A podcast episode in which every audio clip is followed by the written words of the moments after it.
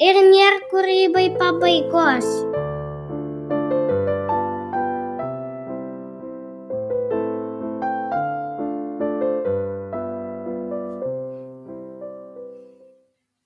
Sveiki, su jumis Rasa Sagė ir podcastas kūrybiškiams žmonėms. Tai pokalbių laida, kurioje su įvairiais pašnekovais kalbamės apie kūrybiškumą.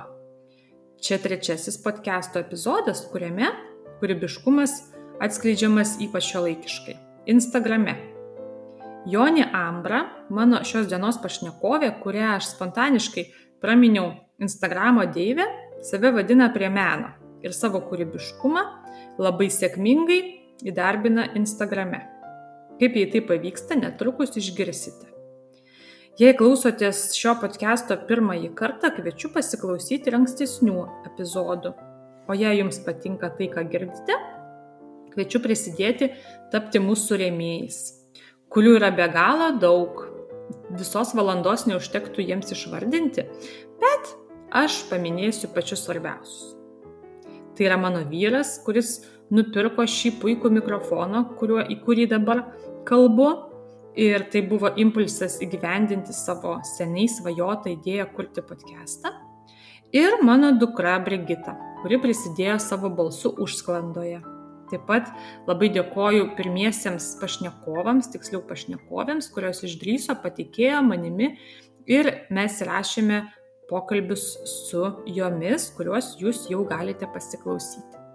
Kviečiu prisidėti ir jūs, jums tinkama pinigų suma, tapti mūsų patreonais arba pasidalinti šiuo įrašu su savo draugais. Bet kokia jūsų pagalba ir parama yra labai labai džiugi ir naudinga.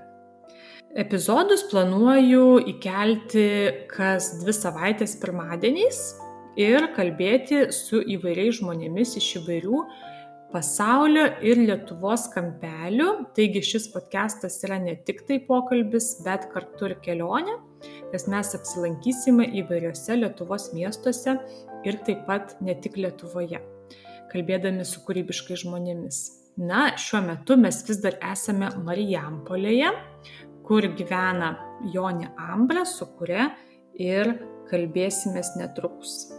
Kągi, viską pasakiau, ilgiau nebegaišinsiu jūsų ir pradedame pokalbį.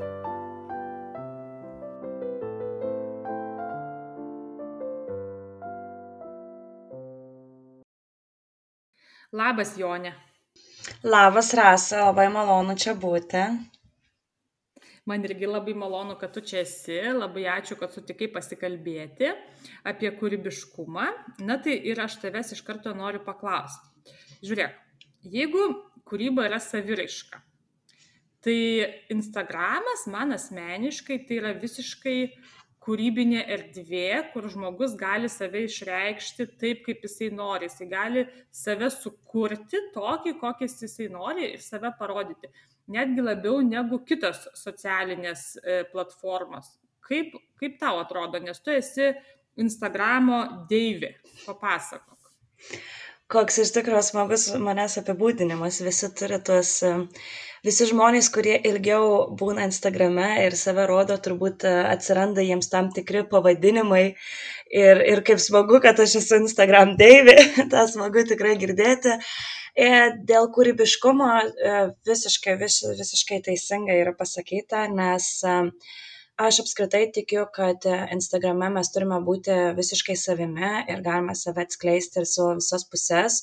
Ir aš visus labai skatinu į tai pažiūrėti šiek tiek per kitokią prizmę ir galbūt galbūt atskleisti tą savo kūrybiškumą vadinamą ir, ir kurio gal galvoja, kad net ir neturi nes kartais tokios idėjos ateina į galvą, kai tu net nu, negalvoji, kad gal kažkaip tai moki tai padaryti arba, arba kad kada nors sugalvosi tai padaryti. Tai man atrodo, Instagramas yra taip puikiai terpė, kadangi vien dėl to, jog dėl to unikalumo po to žmonės tave ir pradeda mėgti. Tai dėl to kūrybiškumo galima lygiai taip pat pasakyti, kad žmogus pradeda tave mėgti, kadangi nu, jam yra kažkas naujo ir jisai ir jisai to nėra matęs e, toj socialinėj platformoj. Ir kaip tik, nu, jie susipažįsta su tavimi per tą tavo visai kitokią prizmę ir tave visai kitokį pradeda pažinti. Aš mačiau tavo Instagramo profilyje, tu labai daug kalbi apie motivaciją ir būtent tą drąsą išdrysti tai daryti, kad jūs galit, galit, galit. Tai man tas yra labai gražu iš tikrųjų, nes iš tik, nu, tikrai ne visi, aš irgi vat, susidūrusi savo aplinkoje, kad ne visi žmonės išdrįsta save parodyti. Atrodo, nu tarsi tu turi kažkaip save, žinai, išnuoginti, parodyti e, visiems ten, sakykime, žmonėm, kurių tu galbūt nepažįsti ir jie gali tave matyti, ir tie stories, ir postai, ir, ir visokie video e, įrašai. Tai e, kodėl tavo ta tokia misija, galima tai pavadinti, vad drąsinti žmonės, kodėl tu jauti, kad tu juos turėtum drąsinti ir motivuoti? Labai paprastai dėl ko, nes aš galvoju, kad labai daug žmonių tiesiog, ypatingai turbūt mūsų tauta, jie turi labai daug barjerų savo galvose, mūsų mintyse ir tiesiog neišdrįsta padaryti tam tikrų dalykų, kurie turbūt padarytų jų gyvenimą geresnį, laimingesnį arba jie atrastų kažką naujo, kas jiems patinka, nes turbūt žinom ir kiekvienas esam susidūrę ir savo šeimose, ir, ir giminėje, ir draugų rate, kad žmogus pradirba 20 metų vienoje vietoje ir vis dar sunkiai keliasi į darbą ir vis dar sako, Dieve, kaip aš nenoriu į tą darbą. Tai aš galvoju, kad būtent per tokį per bandymų prizmę tu gali atrasti, kas tau iš tikrųjų patinka, o tu jeigu bijai pabandyti, tai tu niekada to ir netrasi ir nesužinosi. Tai aš kažkaip visada skatinu tuos žmones vien dėl to per save perlipti. Ir kaip aš sakau, kai tu perlipi iš, tų, iš to komforto zonos, tada prasideda tobulėjimas, nes labai dažnai mes esam tie, kurie tiesiog sąstingyje kažkur tai esame, dirbame darbus, kuriuos jau atmintinai žinome, kaip padaryti ir nebetobulėjame. O aš galvoju, kad žmogus turi tobulėti kiekvieną dieną ir ir kartais kai kuriem ypatingai tiktai to vieno pastumimo ir trūksta, kad jie kažką darytų. Ir aš pastebėjau, kad nu, nėra, kad daug kas kalbėtų, kas žmonės, kurie kalba apie Instagramą, komunikaciją, nėra, kad labai daug kalbėtų apie tą motivaciją. Tai aš tą temą užsikabinau, nes ypatingai Instagrame irgi nu, reikia, kad tave kažkas pastumtų padaryti.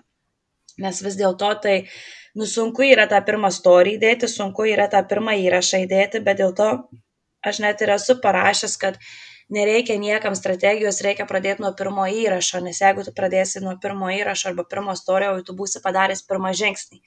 Jau tau, jeigu tu ateisi pasidaryti kažkokią strategiją arba norėsi kažkokią strategiją pasidaryti, tai tau jau bus lengviau ją po to įgyvendinti, nes jau nebereikės su savimi kovoti, kad o man čia reikės įdėti tą vieną istoriją ir vieną įrašą tai aš kažkaip jaučiu, kad tai yra labai glaudžiai, nu, glaudžiai susiję, susiję dalykai, kurie vienas nuo kito yra neatskiriami. Tai yra lygiai taip pat, kaip svarbu kalbėti apie Instagramo naudą, tai lygiai taip pat yra svarbu numotivuoto žmonės pradėti, nes Instagrame galima labai daug ir, ir man gaila, kad dar nedaug Lietuvos žmonių išnaudoja Instagramą taip, kaip jį reikėtų išnaudoti. O nuo ko viskas tau pačiai prasidėjo, papasako? Kaip, kaip tu pradėjai būtent, kaip tu tapai tą Instagramo deivę, papasako? Mano istorija yra kiek galbūt įdomesnė, galiu pasakyti, bet tikrai ne pavyzdys vienoje situacijoje. Apskritai, kaip prasidėjo, gal mano karjera, tai per daug apie tai gal nepasakosiu, bet kaip prasidėjo būtent tą Instagramo deivės karjerą, galiu vadinti, tai uh, labai paprastai aš dirbau marketingo agentūroje Dubajuje ir aš sužinojau, kad aš prarasiu darbą už mėnesio laiko, man liko mėnuo laiko dirbti, kadangi prasidėjo visa ši COVID situacija ir um, klientai patapus, patapo nemokus ir tiesiog uh, labai paprastai reikėjo atleidinėti žmonės iš darbo, kad, nu, nes nebuvo pinigų jiems išmokėti. Ne? Tai uh, mane atleido iš darbo ir aš žinojau, kad aš turiu mėnesį laiko ir aš pradėjau dirbti su savo Instagramu, nes galvoju, tokiomis sąlygomis aš tikrai nesusirasiu kito darbo, kadangi vis dėlto, nu, aš galiu susirasti kitą darbą, bet bus e, mokami labai maži pinigai ir bus labai daug, nu, reikės labai daug savęs investuoti ir labai daug dirbti.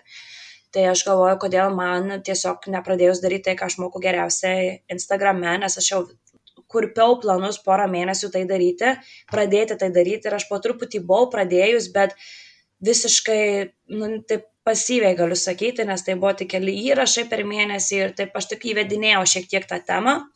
Nu, taip rimtai susėmiau gegužės mėnesį ir taip kažkaip tai labai greitai, be jokios realiai idėjos, man tiesiog, aš ėjau skatinama pinigų kas nėra geras pavyzdys, ne? kadangi dabar aš visiems kalbu, kad nu, tai yra rezultatas ir ne dėl to tu turi pradėti daryti savo Instagramą, kas yra visiškai tiesa ir aš tą suprantu, bet man tuo metu aš neturėjau iš ko rinktis, man tiesiog reikėjo užsidirbti, kad aš sumokėčiau mokesčius ir aš galvoju, ką aš galėčiau geriausiai daryti ir ką aš moku ir ko su marketingu, nes pradirbus ne su vienu, ne su dviejais klientais per tris metus. Ir tada kažkaip pradėjau rašyti įrašus, pradėjau filmuoti laivus, pradėjau daryti video ir taip automatiškai pasėmiau tamsiai raudoną spalvą, nes tai yra mano mėgstamiausia spalva. Tai dėl to rekomenduoju žmonėm pasimti savo mėgstamiausią spalvą Instagrame, vien dėl to, nes nu, jinai greičiausiai jums ir lengviausiai prilips ir nebus noro jos keisti. O tada automatiškai kažkaip visa kita atėjo. Atėjo ta bomba, atėjo tie kolektyvas žodis, o bet tačiau, ką kiti irgi nu, pastebi, kad aš labai dažnai naudoju bet su tuo kolektyvu tai po to jis toks kaip užpatentuotas gavosi, nes kiekvienas tas mano video labas kolektyvas. Ir aš kažkaip labai norėjau ir galvojau, kaip aš tą savo bendruomenę galiu vadinti. Ir taip tas žodis gavosi ir prilipo. Tai va ta istorija buvo tai, kad tada aš birželio mėnesį gavau labai daug konsultacijų, nu, man daug, aš gavau 20 konsultacijų, man tai buvo tikrai dideli skaičiai ir aš supratau, kad žmonėm galiu padėti, nes aš iš pradžių dariau nemokamai konsultacijas, pasižiūrėti, ar aš tą sugebu, ar žmonės gauna naudingos informacijos, ar aš juos įkvepiu, ar jie keičia kažką. Ir aš supratau, kad taip, kai aš pradėjau gauti gerus atsiliepimus, aš supratau, kad aš žinau daugiau negu žino kažkoks tai procentas žmonių. Tai reiškia, aš dar yra kam galiu padėti. Ir tuo met e, supratau, birželio mėnesį, kad aš net ir nebenoriu ieškotis kito darbo, nes tiesiog vėlgi dėl tos pačios priežasties, kad aš galiu tą sumą, kurią man dabar siūlo Dubajuje, tiesiog uždirbti namuose, dirbant su Lietuva. Ir aš net nebesieškojau, aš labai rimtai tada pradėjau lankyti kitus mokymus, susirašiau į kitą online akademiją ir tiesiog visiškai atsidaviau pilnai šitam savo versliukui. Ir tada Liepos mėnuo patapo man labai sunkus, kadangi visokie gyvenimo įvekiai ir uh, grįžau, perskrausčiau į Lietuvą. Ir nuo rūpiučio galiu pasakyti, kad prasidėjo tas jau visiškai pilnas darbas, nes tas birželis turbūt buvo toks bandomasis mėnuo, o va rūpiutį jau pradėjau visiškai pilnai save duoti ir su visais brandingais, ir su visais seminarais, ir su kitais papildomais dalykais. Ir suprantu, kad, nu, čia turbūt yra mano, nes aš kai kalbu dar uh, su savo draugais, kurie mane žino ir pažįsta, arba klasiokais buvusiais. Ir jie man sako, žinai, aš kai pamačiau, man buvo pagaliau, čia yra jos, čia yra visiškai, visiškai jos. Tai buvo labai, labai fantastiškas dalykas, toks girdėti, kad žmonės iš tikrųjų mato, kad aš tai visiškai darau nuo širdžiai ir aš esu kaip žuvis vandenį. Mhm. Nu, labai gražu klausytis. Bet man dabar tavęs klausantis toksai klausimas iškilo. Mm, matai, podcastas yra apie kūrybą ir aš galvoju, kiek tos kūry... E, kaip tu galėtum paaiškinti, kur yra kūryba, nes, žinai, kūryba eina iš širdies, maždaug tai, kas nebūtinai visiems patinka, bet patinka tai, ką tu nori išreikšti. Ir produktas, nes matai, visi kūrybiški žmonės turi iš kažko tai gyventi ir jie turi kažkaip tai, e, nu, sakykime, arba eiti nemėgstamą darbą, kaip tu sakai, 20 metų, arba jie turi daryti tai, kas jiems patinka, bet tai yra tarsi susijęs su kūryba. Kaip tu galėtum suderinti va tą produktą, kurį tu tarsi parduodi, nes tu parduodi savo žinias, seminarai, visokie e, ten konsultacijos, ir taip pat tai daryti taip, kad tau būtų pačiai malonu, kad tai būtų kūrybinis procesas. Aš galvoju, kad apskritai visas Instagramas yra beprotiškai kūrybinė termė, ne? Ir kad ir pavyzdžiui, vien tekstų rašymas, kaip tu save parodai, tai vizualai, tai video, tai yra tokia termė savo kūrybiškumą parodyti, nes aš pastebėjau, kad labai daug žmonių, kas atsitinka, jie pasižiūri, kad kažkas daro ir jie tą patį padaro bet to savo kūrybiškumo ir unikalumo nėra, nes jie tiesiog pasėmė, ką kitas žmogus padarė, jiems veikia ir jie galvoja, kad nori padaryti tą patį. Aš galvoju, kad e, apskritai socialinė medija yra ir šitas verslas, galima pasakyti, ne, turint savo verslą arba įvaizdį, asmeninį prekį ženklą, turiu minti um, Instagrame, tai yra šiek tiek toks nuvertintas dalykas, nes kažkaip tai kai artistas sukuria paveikslą, tai jisai va menininkas, ne, jis dailininkas ar ten tapytojas, jis turi paveikslą, jis taip išreiškia savo kūrybingumą. O socialinė erdvė kaip ir nėra tokio apibriešto dalyko, kaip tu savo tą kūrybingumą iš, nu, išreiškia, jeigu, ypatingai jeigu tu turi paslaugą. Bet aš galvoju, kad mūsų ta, ta lastelė tokia atsiskleidžia būtent per tai, kaip tu pateiki save, kaip tu pateiki savo turinį, kaip tu pateiki savo vizualus. Tai va būtent čia, jeigu tu eini lengviausių kelių, tai žinoma, tai bus paprasta nuotrauka nufotkinta prie tavo, prie tavo darbo stalo ir parašyta labas rytas pirmadienį kaip jūsų nuotaikos. Bet jeigu tu nori kažko daugiau ir nori, kad atskleistum tą savo dalelę, tai tu galbūt nufotkinsi nuotrauką kažkaip tai įdomiau, arba apsirengęs įdomiau, arba galbūt padarysi video, kurį reikės laiko sumontuoti ir parašysi ilgesnį kažkokį aprašymą su kažkokia savo istorija ir atskleisi savęs. Tai aš galvoju, kad nu, tai yra glaudžiai susijęs dalykas, net jeigu tu ir nematai kažkokio meniško produkto arba ten kažkokio kūrybiško, galima sakyti, produkto, kaip mano yra. Aš teikiu konsultacijas ir mano, nu, aš dar galiu savo kūrybiškumą atskleisti per vizualus, nes aš dar darau, nu, dirbu su grafiniu dizainu. Tai aš dar darau vizualus įvairius. Tai va būtent kiti ir man rašo, man labai patinka tavo stilius ir aš noriu, kad tu man kažką sukurtum tai aš jau tada pasileidžiu, kaip sakau, vadėlę su Photoshopu ir tada jau paleidžiu tą savo kūrybiškumo gislelę, kurią iš tikrųjų reikia pastoviai atgaivinti, nes kai jinai užmiega, tada prasideda toksai nebe tavo stilius, bet tai, kad tau reikia padaryti. Tai aš manau, kad, kad ir kaip bebūtų, tai yra lab, nu, labai glaudžiai susiję dalykai socialinė erdvė ir kūrybiškumas. Visiškai su tavim sutinku ir vat, beklausant tavęs linkčiau į galvą, nes iš tiesų e, tarsi tas vat, produktas, kurį tu sukūrė, tas tradicinis, ar ne, ten parašai knygą, nupaišai paveikslą arba ten kažkokį tai skulptūrą, tai tarsi vadinama menu, bet, e, sakykime, bet aš irgi dabar visai nesenai Instagrame, nu taip jau aktyviau, e, ir jaučiu, kad tai yra tokia puikia saviraiškos terpė, ir tu taip gali sukurti kažkokį tai, e, sakykime, tą, kaip tu vadini, vizualą, kuris yra, nu, tarsi meno kūrinys, kad ir ta pati nuotrauka, nors jinai, kas, ką aš pastebėjau, jinai yra, va, pavyzdžiui, sakykime, netgi pati koncepcija e, Instagramo stories. Tai yra laikina, tai yra 24 valandos. Tai tarsi tas menas šio laikinis perina į laikinumo tokį koncepciją. Nes e, tarsi tu sukuri kažką labai labai labai smagaus ir tai išnyksta. Tai baigėsi. Ir paskui tu sukuri kažką tai naujo. Ką tu apie tai galėtum pasakyti, apie tą laikinumą? Tarsi, tarsi nebeturi būti tų monumentų, kurie stovi 200 metų, kūrybiškumo prasme.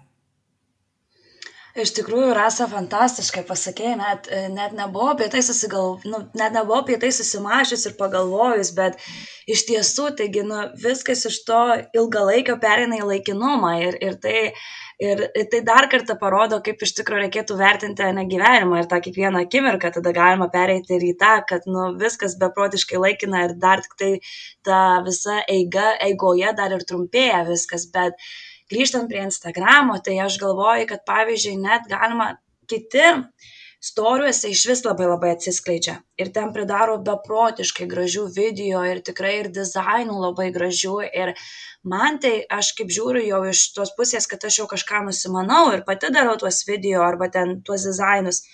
Tai aš žinau, kiek žmogus laiko praleidžia. Ir man yra taip gera, kad žmogus praleidžia tiek laiko padaryti storį, kuris žino, kad bus 24 valandas ir jisai išnyks, bet, tų, bet parodo tą savo pusę, kad jis gali, kad jis nori, kad čia yra jo stilistika, kad čia yra jo brandingas arba jo, nu, kaip jisai mato pasaulį.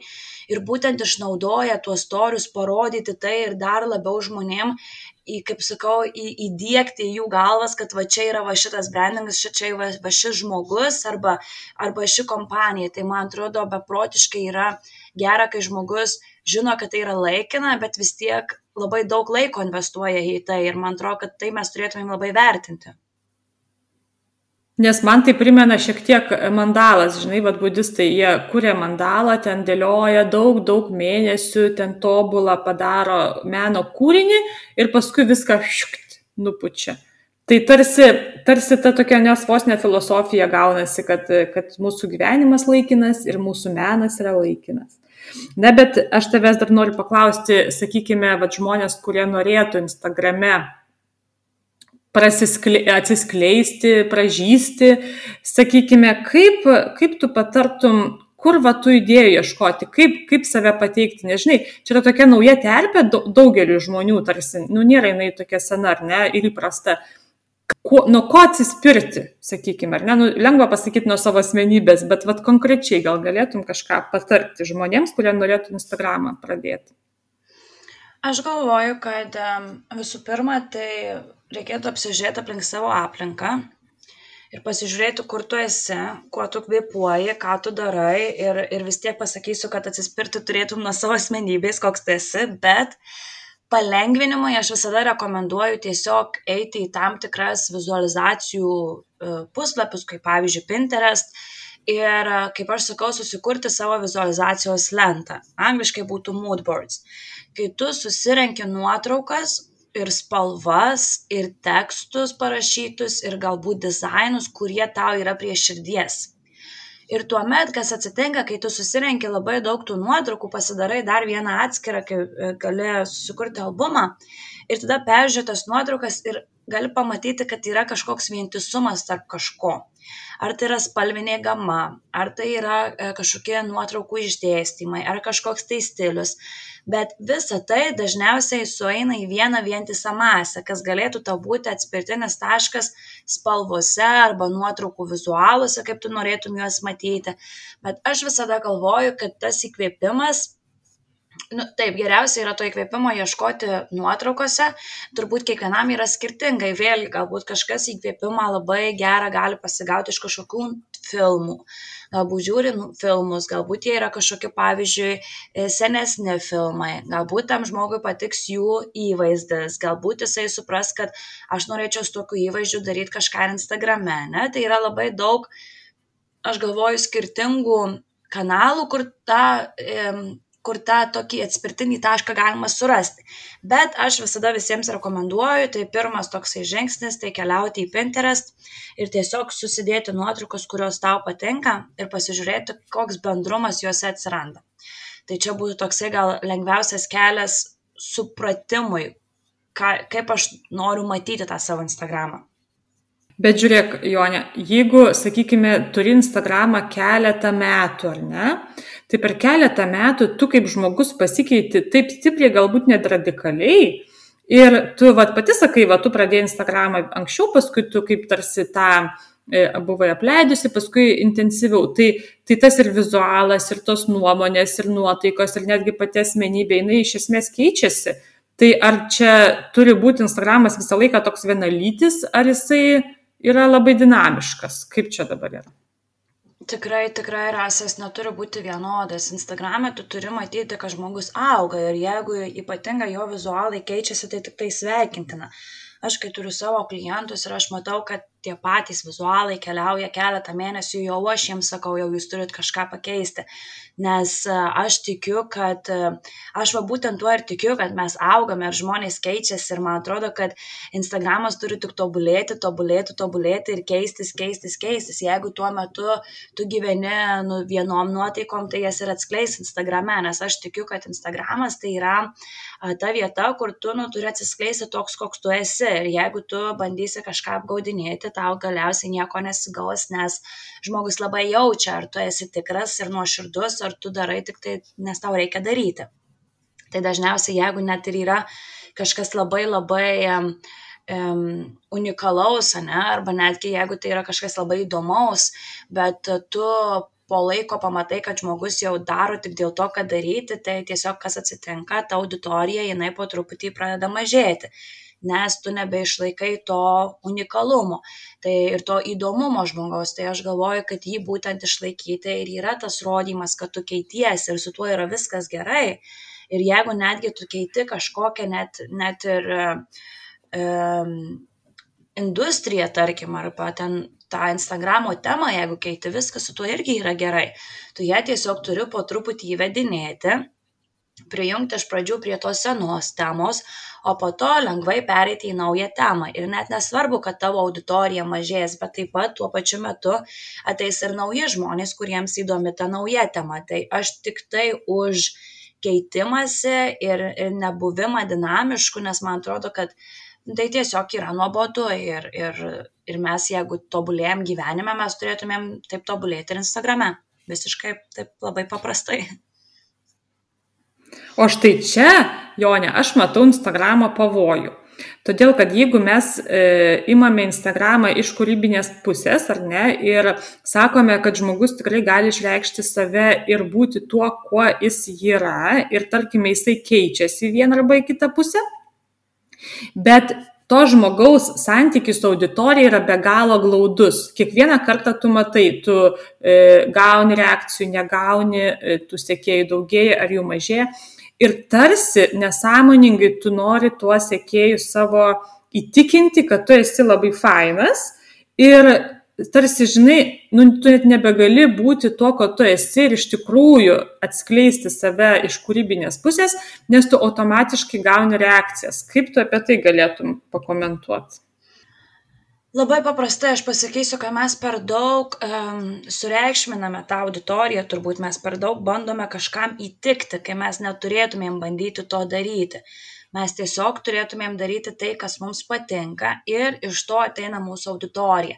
Sėdėjimas ir įtikimas kažkam nėra jau geras, nu, net, nėra, net niekam nerekomenduočiau tiesiog sėdėti ir bandyti įtikti kažkam. Taip, tai yra tavo auditorijos analizavimas, kas jiems patinka ar nepatinka, bet savo asmenybę keisti tik dėl to, nes tave daugiau sektų, tai aš nemanau, kad tai yra geras kelias, nes vis dėlto ta kaukė kažkada nukris arba tu visada stresuosi, kad aš čia nebe toks, koks buvau ir tada tau tą stresą užsikelsi savo ir tada jisai, kas atsitiks, tave suvalgys, kaip sakau, iš vidaus ir iš vis nieko nebedarysi.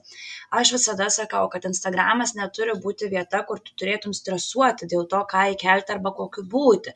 Dėl to ir yra lengviausia pasirinkti būti savimi ir jeigu tau gyvenime tuo metu yra momentas, kai tu nenori rodytis ir nesirodyk, bet ten nesirodyk veido, kas nuo karto galbūt įdėk kažkokią nuotrauką arba parašyk įrašą, kad yra toks gyvenime laikas ir aš tiesiog būsiu dingusi, nes nu, aš tiesiog net laikau arba ten šeimoje kažkas ir taip toliau. Tai aš manau, kad būti savimi yra beprotiškai, beprotiškai svarbu ir išlikti žmogumi yra beprotiškai svarbu. Mes neturime uh, kažkaip tai duoti jokių ataskaitų ir įsipareigoti tai savo auditorijai. Galbūt kažkiek kažkokiuose procesuose, bet, bet tikrai ne tame, kad, kad aš darysiu taip dėl to, nes jums tai patinka. Nu, jeigu tau pačiam nepatinka, dėl ko aš visada sakau, kad jūs turite rašyti tai, kas patinka jūsų auditorijai, bet tokiu formatu, kuris patinka jums.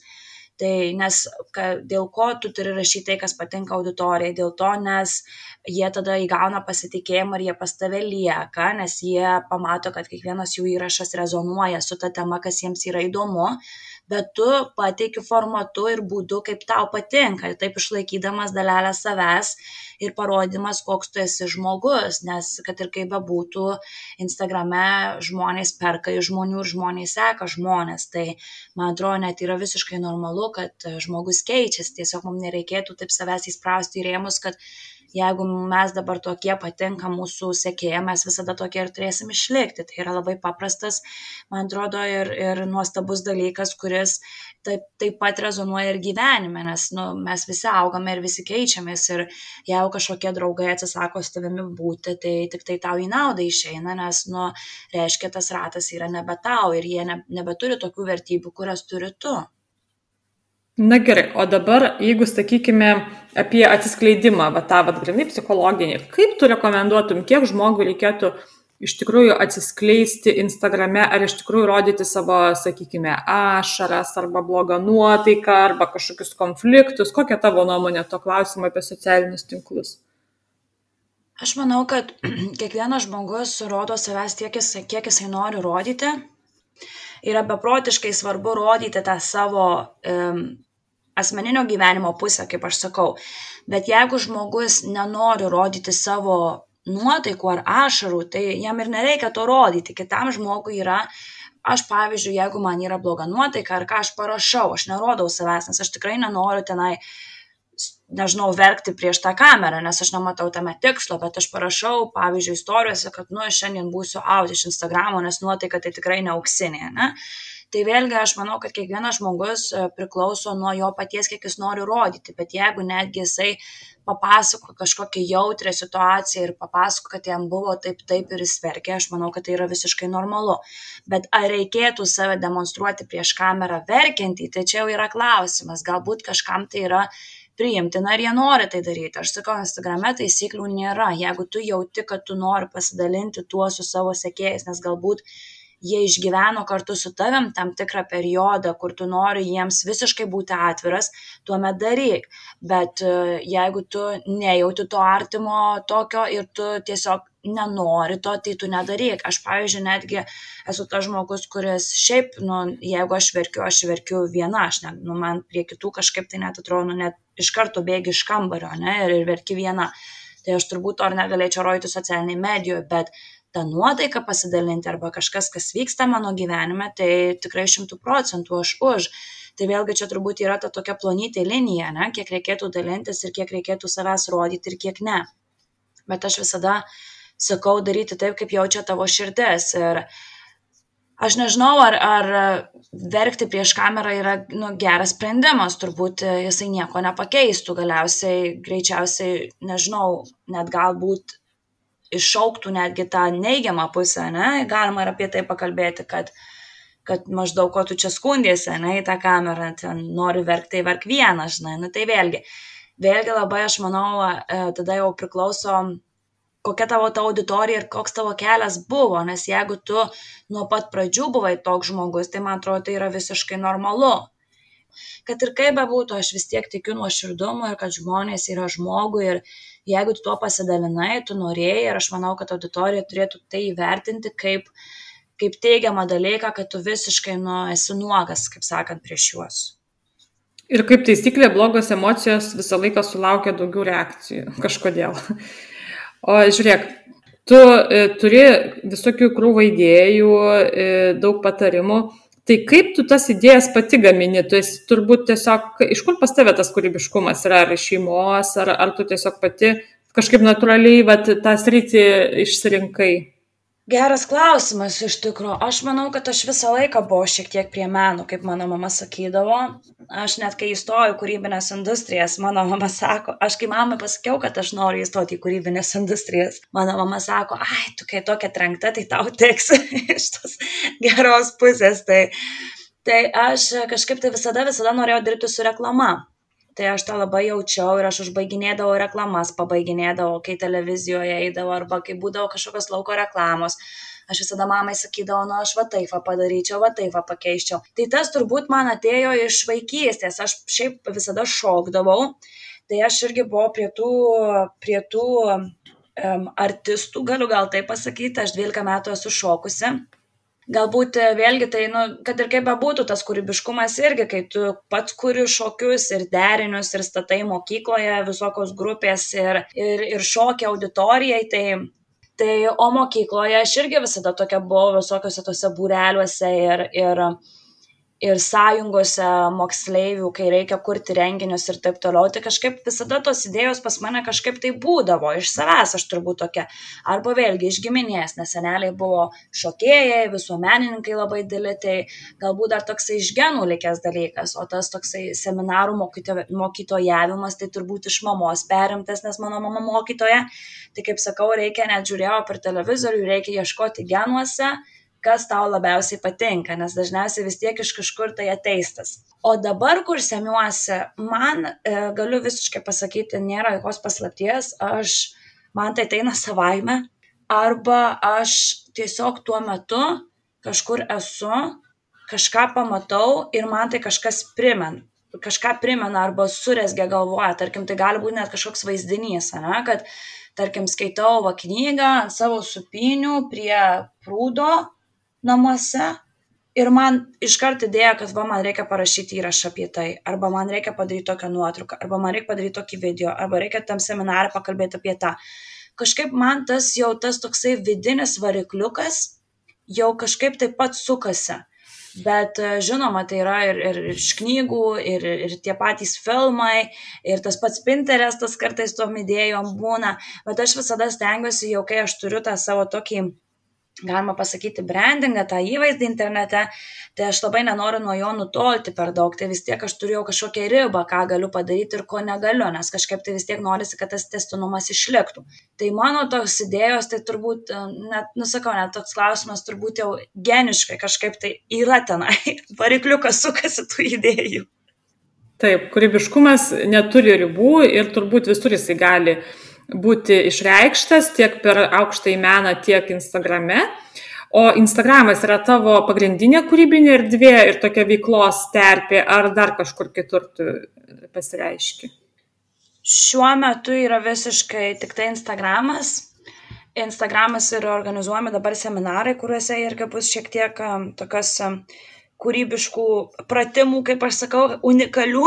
Bet šiaip tai daugiausia dabar viskas yra per Instagramą, tik tai labai norėčiau grįžti į šokius vėl. Bet um, taip, dabar visiškai save Instagramui, bet ne tik savo Instagramui. Nepamirškime, kad yra mano klientai, su kuriais dirbu, kuriems lygiai taip pat turiu tas idėjas generuoti ir pasiūlyti kažką. Tai aš vis um, ieškau tų um, kompanijų, kurios norėtų su manimi dirbti, kurios nebijo padaryti kažką kitaip, negu daro visi. Tai tada aš visiškai save atsiskleidžiu ir parodau tą savo pusę, kad tikrai galima padaryti labai, labai kietai ir šiek tiek kitaip, negu daro pusė Lietuvos. Bet žiūrėk, kokie yra šaunuoliai, kurie sukūrė Instagramą. Nes Facebook'e to negalėtum, ar ne, tokios veiklos vykdyti, ar galėtum? Ar kažkokiam kitam socialiniam tinkle galėtum tą patį daryti, ar tik tai būtent čia yra unikalus ta terpė tokia Instagramas būtų? Galėčiau visur, kiekvienoje socialinėje medijoje reikia dažniausiai, kiekvienoje kompanijoje reikia dažniausiai žmogaus, kuris būtų atsakingas už socialinės medijos turinį, nes vis dėlto tai yra tavo veidas internete ir kiekviena kompanija, kiekviena mm, darbovietė turėtų turėti socialinės medijas, nes tai yra labai labai svarbu ir tai labai į aukštį auganti ertmė, kur reikia save, save pozicionuoti. Tam pačiam Facebook'e, LinkedIn, po to tie patys Snapchat, TikTok, YouTube. Tai tikrai yra labai labai daug tų svetainių, tai yra dar tų e, socialinių platformų, taip pat Twitter, kur dar nėra taip populiaru Lietuvoje ir aš abejoju, ar tai bus populiaru per ateinančius metus, nes pas mus šiek tiek viskas eina lėčiau.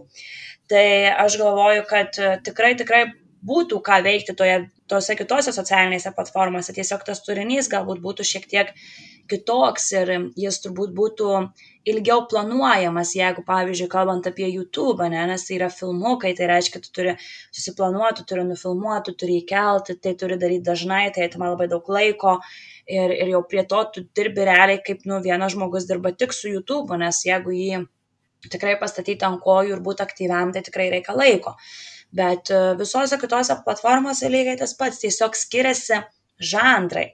Jeigu Instagrame mes dar galim būti labai tokie laisvi ir rodantys tą savo kūrybiškumą ir, ir turintys tą savo tokį unikalumą, tai tarkim Facebookas dar labai pakankamai arti su Instagramu yra, bet taip jau LinkedIn negalėtum dėti tokių pat nuotraukų, ką dėdi Instagramą, nes vis dėlto LinkedIn yra labiau jau business platforma, kur jau yra žmonės, kurie rašo tekstus ir, ir, ir ir tuos straipsnius ir jau tos nuotraukos turėtų vis tiek šiek tiek kaip ir atitikti tuos standartus. Nors vėlgi aš tai kažkaip tai tikiu, kad kad jeigu tu nori, tu gali ir save rodyti toks, koks tu esi ir Instagrame ir dėti tas nuotraukas ir galbūt būtent tavo ir bus išskirtinumas toks, kad tu tokioje platformoje save pozicionuoji taip.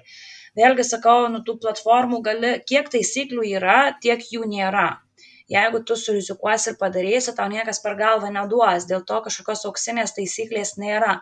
Jeigu tu nori daryti, tu turi taip daryti. Ir viskas. Man labai patiko tavo palyginimas su žanrais, kad kiekvienas socialinis tinklas turi savo žanrą, tarsi, tarsi literatūros ar ne kūrinys. Kad galima tos žanrus, kaip čia pasakyti, maišyti ir jų tiesiog nepaisyti, bet tas žanras vis tiek yra. Nes pavyzdžiui, tu asmeniškai pasireiški daugiausiai Instagramui, tau tas žanras artimiausias yra. tai, tai čia toks labai geras palyginimas. Taip, visiškai, visiškai teisingai iš tikrųjų. Man labai patinka, kaip tu sugalvoji palyginimus. Iš tikrųjų, aš niekada apie tai nepagalvojau, kažkaip tai lyginti su literatūra, ne? Nu, tai fantastiškas palyginimas iš tikrųjų ir reikės atsiminti šitą.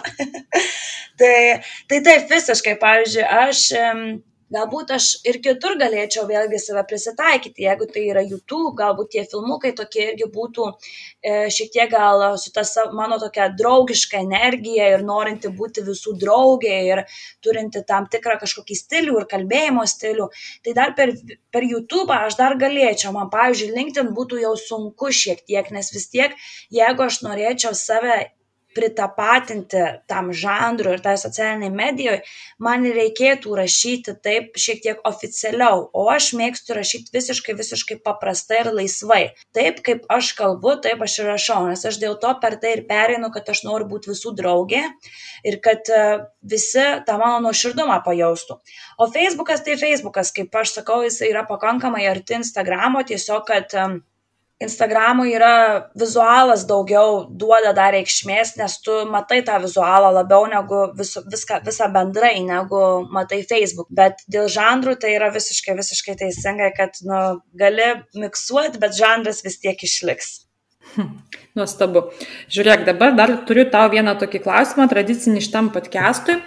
Tu gyveni Marijampolėje, grįžus iš savo darbų po pasaulį. Tai ką tu reiškia gyvenimas Marijampolėje? Oi, labai sunkus klausimas. Taip, gyvenu dabar Marijampolėje, bet ne, nepamirškime, kad aš vis tiek planuoju kraustytis iš Marijampolės. Bet ką reiškia man gyvenimas Marijampolėje, man reiškia šeima. Nes aš grįžau gyventi į Marijampolę dėl to, nes aš pajaučiau, kad aš noriu šiek tiek atiduoti duoklį savo šeimai, nes vis dėlto prakeliavusios su šešis metus ir uh, aš vis tiek jaučiu ir visi žinome, kad visi einame senin, ne jaunin ir kažkaip tai norisi mamą apkabinti dažniau ir, ir pasikalbėti ir padėti ir pabūti, kartais net ir tyloje, bet tai yra gera, kad um, tavo šeima yra aplink tave. E, ir reiškia turbūt ramybę, nes um, aš kažkaip tai kaip, um, nors vėlgi aš turbūt esu žmogus, kuris ramybę gali ir triukšme atrasti, bet uh, nu, nepalyginsi tos ramybės, kai tu gyveni Vilniuje ir kai tu skaitai knygą kažkur tai um, restorane, pasėmus kampinį staliuką, ką aš beprotiškai mėgstu daryti, ir skaityti knygą, kai aplink yra miškai. Tai čia turbūt ta tyla vėlgi yra nu, dvi skirtingos tylos, kaip galiu pavadinti. Tai aš manau, kad ramybę man duoda čia, man ramybė ir, ir šeima, man reiškia gyvenimas Marijampolė. Na ir visai paskutinis klausimas, kokią knygą dabar skaitai ir galbūt galėtum parekomenduoti mūsų klausytojams? Ką tik baigiau skaityti Marius Repšio Heraklis ir dabar skaitau originalai, bet nepasakysiu autoriaus. Knyga yra už manęs, galėčiau pažiūrėti, bet negaliu pasiekti. E, tai dar originalų negaliu rekomenduoti, nes e, nepasakyčiau, kad dar man jinai labai užkabino ir patiko šiaip kokią knygą aš visiems rekomenduoju visada paskaityti, tai vadinasi Laimės Dzenas. Tai yra maža geltona knygelė, parašyta mokslininko, bet irgi nepasakysiu autoriaus, nes aš labai turiu prastą atmintį. Tai tikrai vadinasi Laimės Dzenas, tai, ma, tai ta knygelė yra pakeitus visiškai mano gyvenimą 180 laipsnių kampu. Ne tiek galbūt gyvenimą, kiek mąstymą, nes mane išmokė, kad kiekvienoj blogoj situacijoj tu gali atrasti kažką gero ir viskas tavo gyvenime priklauso nuo tavo požiūrio. Tai aš visiems, visiems visada labai rekomenduoju paskaityti tą knygą.